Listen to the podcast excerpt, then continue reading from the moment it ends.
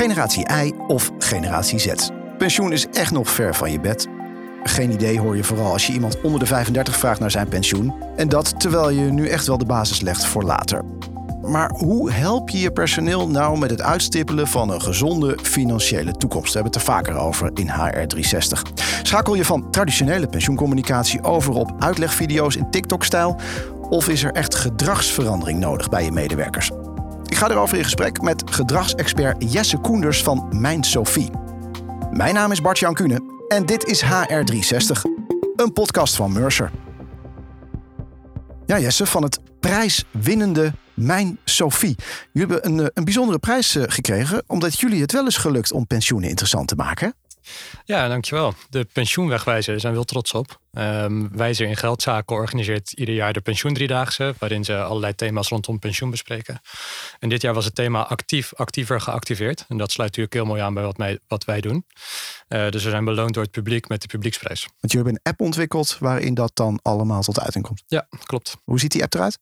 Um, ja, het is eigenlijk heel anders dan je gewend bent van een financiële app. We hebben vrij weinig cijfers en het is vooral heel veel vrolijk en makkelijk en intuïtief. Uh, en daarmee maken we het mogelijk om aan je financiële doelen te werken. Jij bent gedragsexpert. Uh, wat doe je dan precies bij Sophie? Ja, ik uh, heb gedragseconomie gestudeerd. Dus dat is eigenlijk een beetje een combinatie van economie en psychologie. Dus in de traditionele economie is er altijd heel erg gekeken naar wat verwacht je wat mensen doen vanuit een rationele beslissing. Uh, die is in de economie vaak afgemeten aan geld. Uh, maar je merkt in de praktijk dat mensen hele andere beslissingen nemen dan dat je van ze zou verwachten. En in de gedragswetenschap wordt eigenlijk gekeken naar hoe, wijken, hoe wijkt dat daadwerkelijke gedrag van mensen nu af van wat je van ze zou verwachten. Uh, dat is natuurlijk super interessant, zeker ook in je, financiële, in je financiële situatie. Dus wat we bij Sofie doen is kijken naar uh, hoe nemen mensen die beslissingen nou in de praktijk? Ja. Uh, en hoe kunnen we ze ondersteunen zodat we ze de goede richting insturen. Nu ben je zelf onder de 35. Je bent gedragsexpert. Ja. Hoe kijk je naar jezelf als het gaat om pensioenen? um, ja, ik denk dat dat heel goed laat zien dat, dat, dat het nodig is om op die manier naar te kijken. Uh, Waaruit blijkt dat? Ik heb een tijdje uh, in de beginfase van Sofie had ik geen pensioenregeling. Uh, en ik weet heel goed dat ik wel aan mijn pensioen moet werken. En ik weet heel goed welke opties er zijn. en ik heb daar toch niks aan gedaan lange tijd.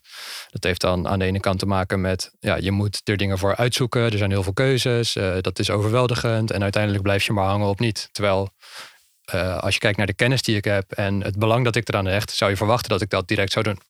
Maar als zelfs jij er geen aandacht aan besteedt, waarom zou iemand anders dat dan wel doen voor wie het niet eens zijn dagelijks werk is? Ja, dat is denk ik ook waar het fout gaat. Of... Waarom gaat het fout? Is er geen bewustwording van hoe belangrijk het eigenlijk is?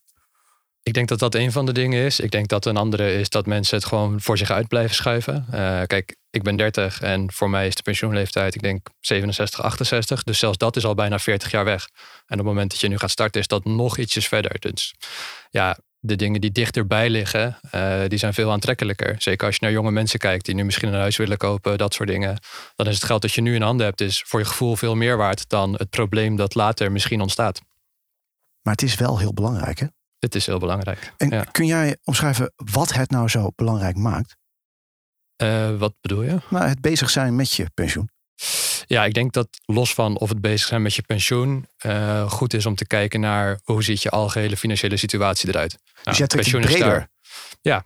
Je heeft ja, het dus ook te maken met financiële gezondheid in het algemeen? Zeker, ja. Ja, ja ik denk dat um, financiële gezondheid in zijn geheel, uh, dat, dat bestaat onder andere uit dat pensioen, maar dat bestaat ook uit hoe tevreden ben je nu met je financiële situatie. Kun je voldoende geld opzij zetten? Uh, nou, de woningmarkt is natuurlijk ingewikkeld. Uh, dat zijn allerlei elementen die je eraan kunt meenemen. Nee, je zegt de woningmarkt is ingewikkeld. Dan hebben we het pensioenstelsel nog niet eens benoemd. Als je praat over ingewikkelde zaken.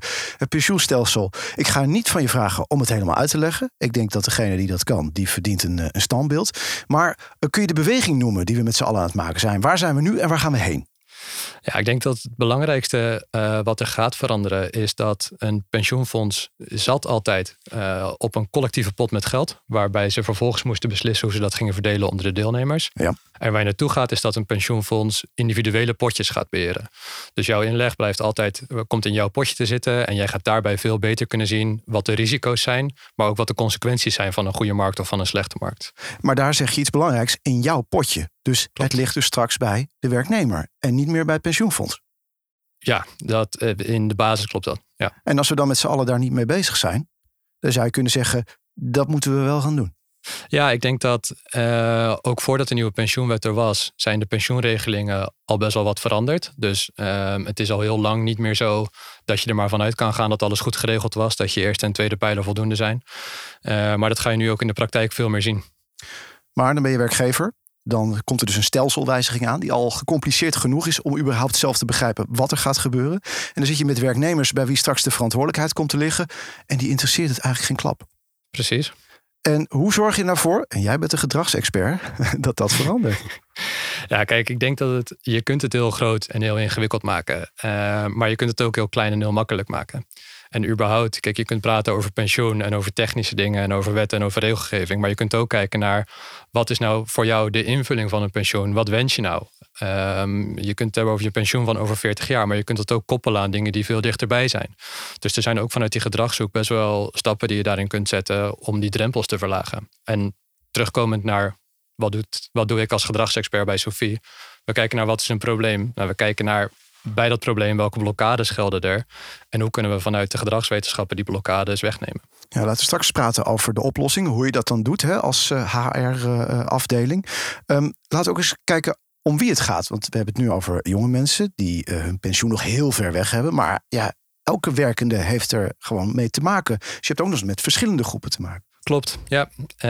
Um, ja, dat is voor zowel de, de jongeren als voor de mensen die wat dichter naar de pensioenleeftijd zitten, is dat relevant. Um, maar heeft iedereen dezelfde benadering? Dat denk ik niet. Nee, ik denk dat voor, voor jongeren is het zo'n ver van je bedshow dat je daar nog niet echt mee bezig bent. Voor ouderen word je er op een gegeven moment wel wat meer in gedwongen.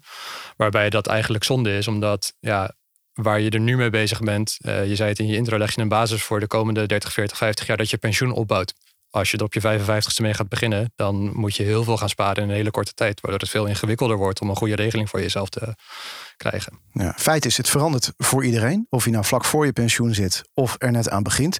En daar kan gedragsverandering dus bij helpen. Zeker. Nou, hoe je dat doet, dat uh, hoor je zo meteen van onze gedragsexpert, van uh, Jesse Koenders. Maar bij eh, elke uitdaging ga je als HR-professional natuurlijk ook gewoon zelf op zoek naar een oplossing. Daarom luister je ook naar HR 360. En de minuut van Mercer is ook zo'n oplossing die je wellicht kan helpen bij de weg die je volgt. Met Bartjan. Hey, Bartjan. Met Bartjan. Hey Bartjan. Doordat de inflatie toeneemt, worden veel mensen zich bewuster van hun maandelijkse inkomsten en uitgaven. Maar of dat nou ook geldt voor hun pensioen, dat is even de grote vraag. Laten we de cijfers er weer eens even bij pakken. Want drie op de vijf mensen die van baan wisselt, checkt bijvoorbeeld niet eens hoe de pensioenregeling van hun nieuwe werkgever eruit ziet. En dat terwijl meer dan 40% van de werkenden zich wel zorgen maakt of ze later genoeg hebben om rond te komen van hun pensioen. Dus het is een heel belangrijk onderwerp. 60% van de mensen in loondienst weet dat je de informatie bij de werkgever kan halen. Maar slechts 20% gaat ernaar op zoek. Ongelooflijk. 50-plussers checken externe informatiebronnen.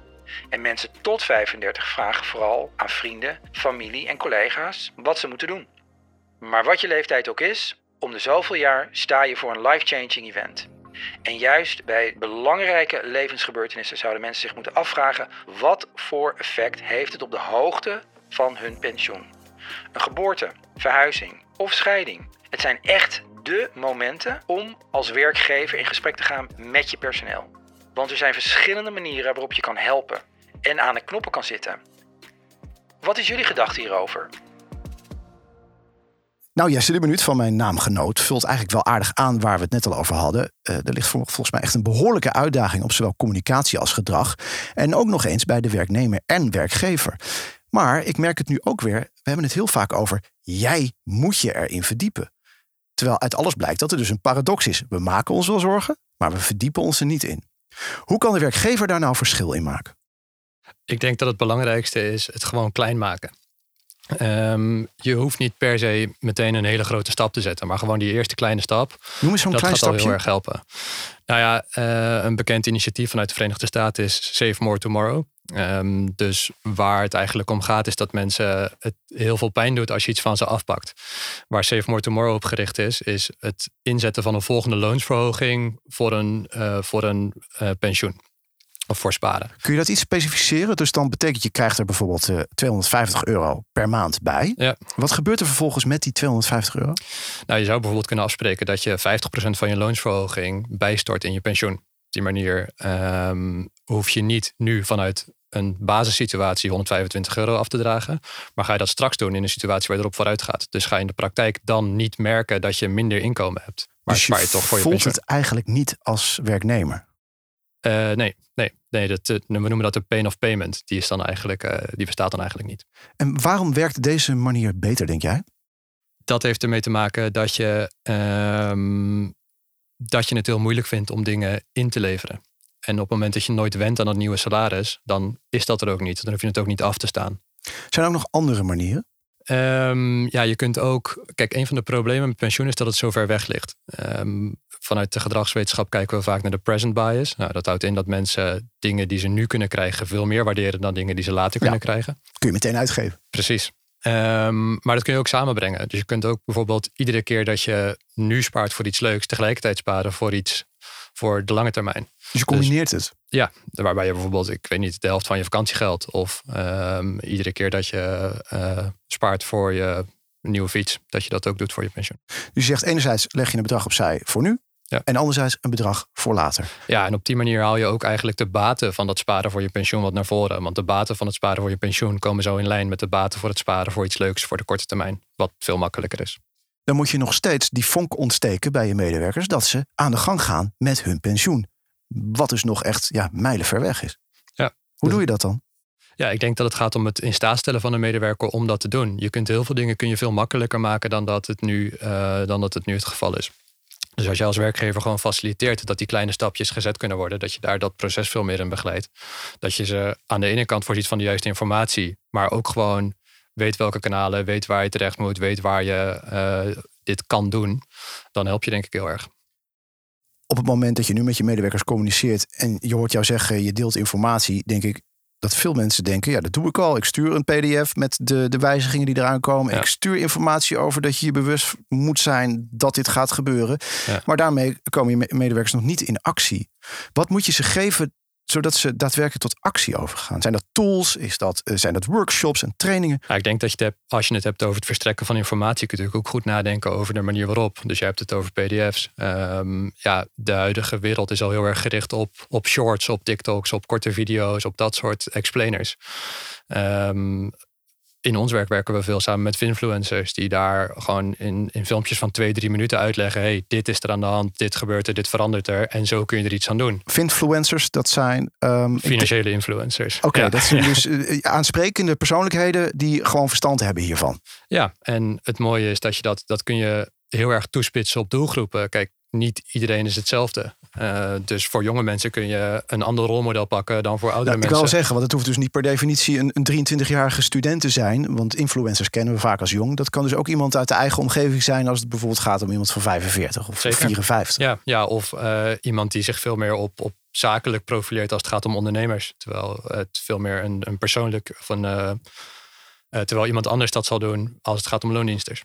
Ja, je bent gedragsexpert, dus dan kun je vast ook benoemen wat die influencers dan doen. Dat ervoor zorgt dat er ook daadwerkelijk actie komt bij die werknemer. Ja, sowieso is een influencer een goed voorbeeld. Ehm, het, je hebt binnen de gedragseconomie ook nog het autoriteitsprincipe, waarbij als je iemand ziet als autoriteit, neem je veel sneller iets, iets ervan aan.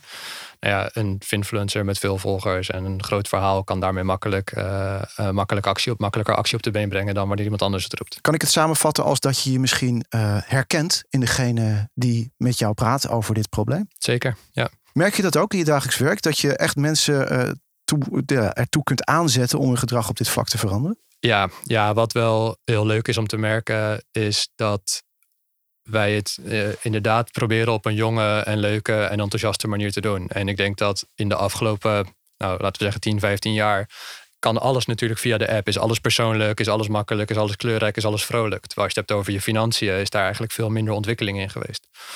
Dus uh, ik vind het wel heel leuk om te zien dat het moment dat je dat wel doet, dat ook best wel onderscheidend is en ook goed werkt en ook goede reacties oplevert. Nu zijn jullie een disruptor op deze markt. Jullie doen het eigenlijk anders dan anderen. Maar nu zit je, ja, niet toch die beetje die grijze corporate met toch die conventies. De oude pensioenregeling geldt nog voor, uh, voor een groot gedeelte van je, van je medewerkers. Er komt een verandering aan. Wat is de eerste stap die je nu kunt zetten als je daar verandering in wil brengen? Ja, je hoeft het natuurlijk ook niet zelf te doen. Je kunt daar prima, uh, je kunt daar prima partners voor aansluiten. Dat, dat hoeven wij niet te zijn, maar er zijn andere partijen die het ook doen. Of, of vind zelf een influencer. Kijk, dat wij dit nu via een podcast doen, dat maakt natuurlijk ook al een verschil in de perceptie en een verschil in de, in de energie die je ervan krijgt dan wanneer je er een artikel over moet lezen. Ga er dus mee aan de slag, als ik jou zo hoor. Wat levert het uiteindelijk op? Je had het over financiële gezondheid, maar wat, wat levert het de werkgever op op de lange termijn?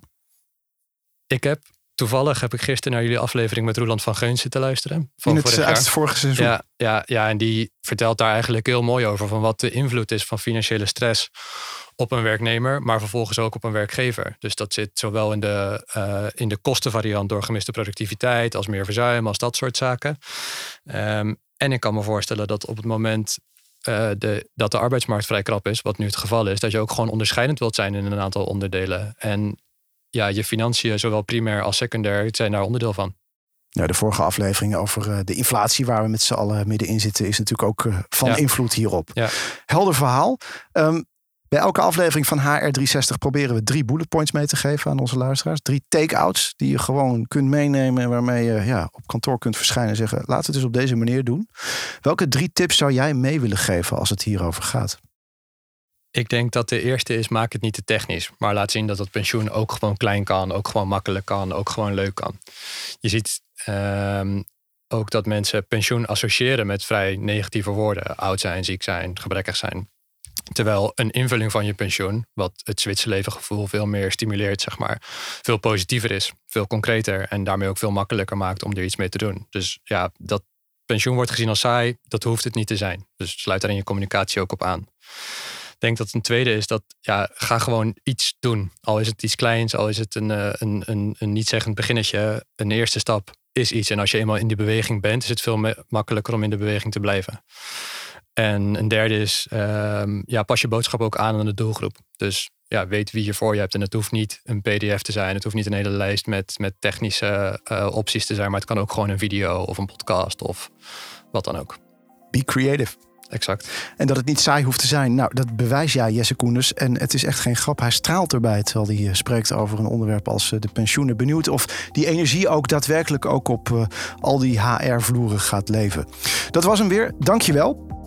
In de volgende aflevering vergeten we de traditionele functietitels. We gaan het hebben over vaardigheden, over je skillset.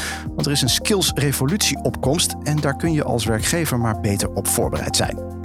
Wil je ook die aflevering niet missen? Abonneer je dan op onze show en vergeet ook niet een review achter te laten in je favoriete podcast-app.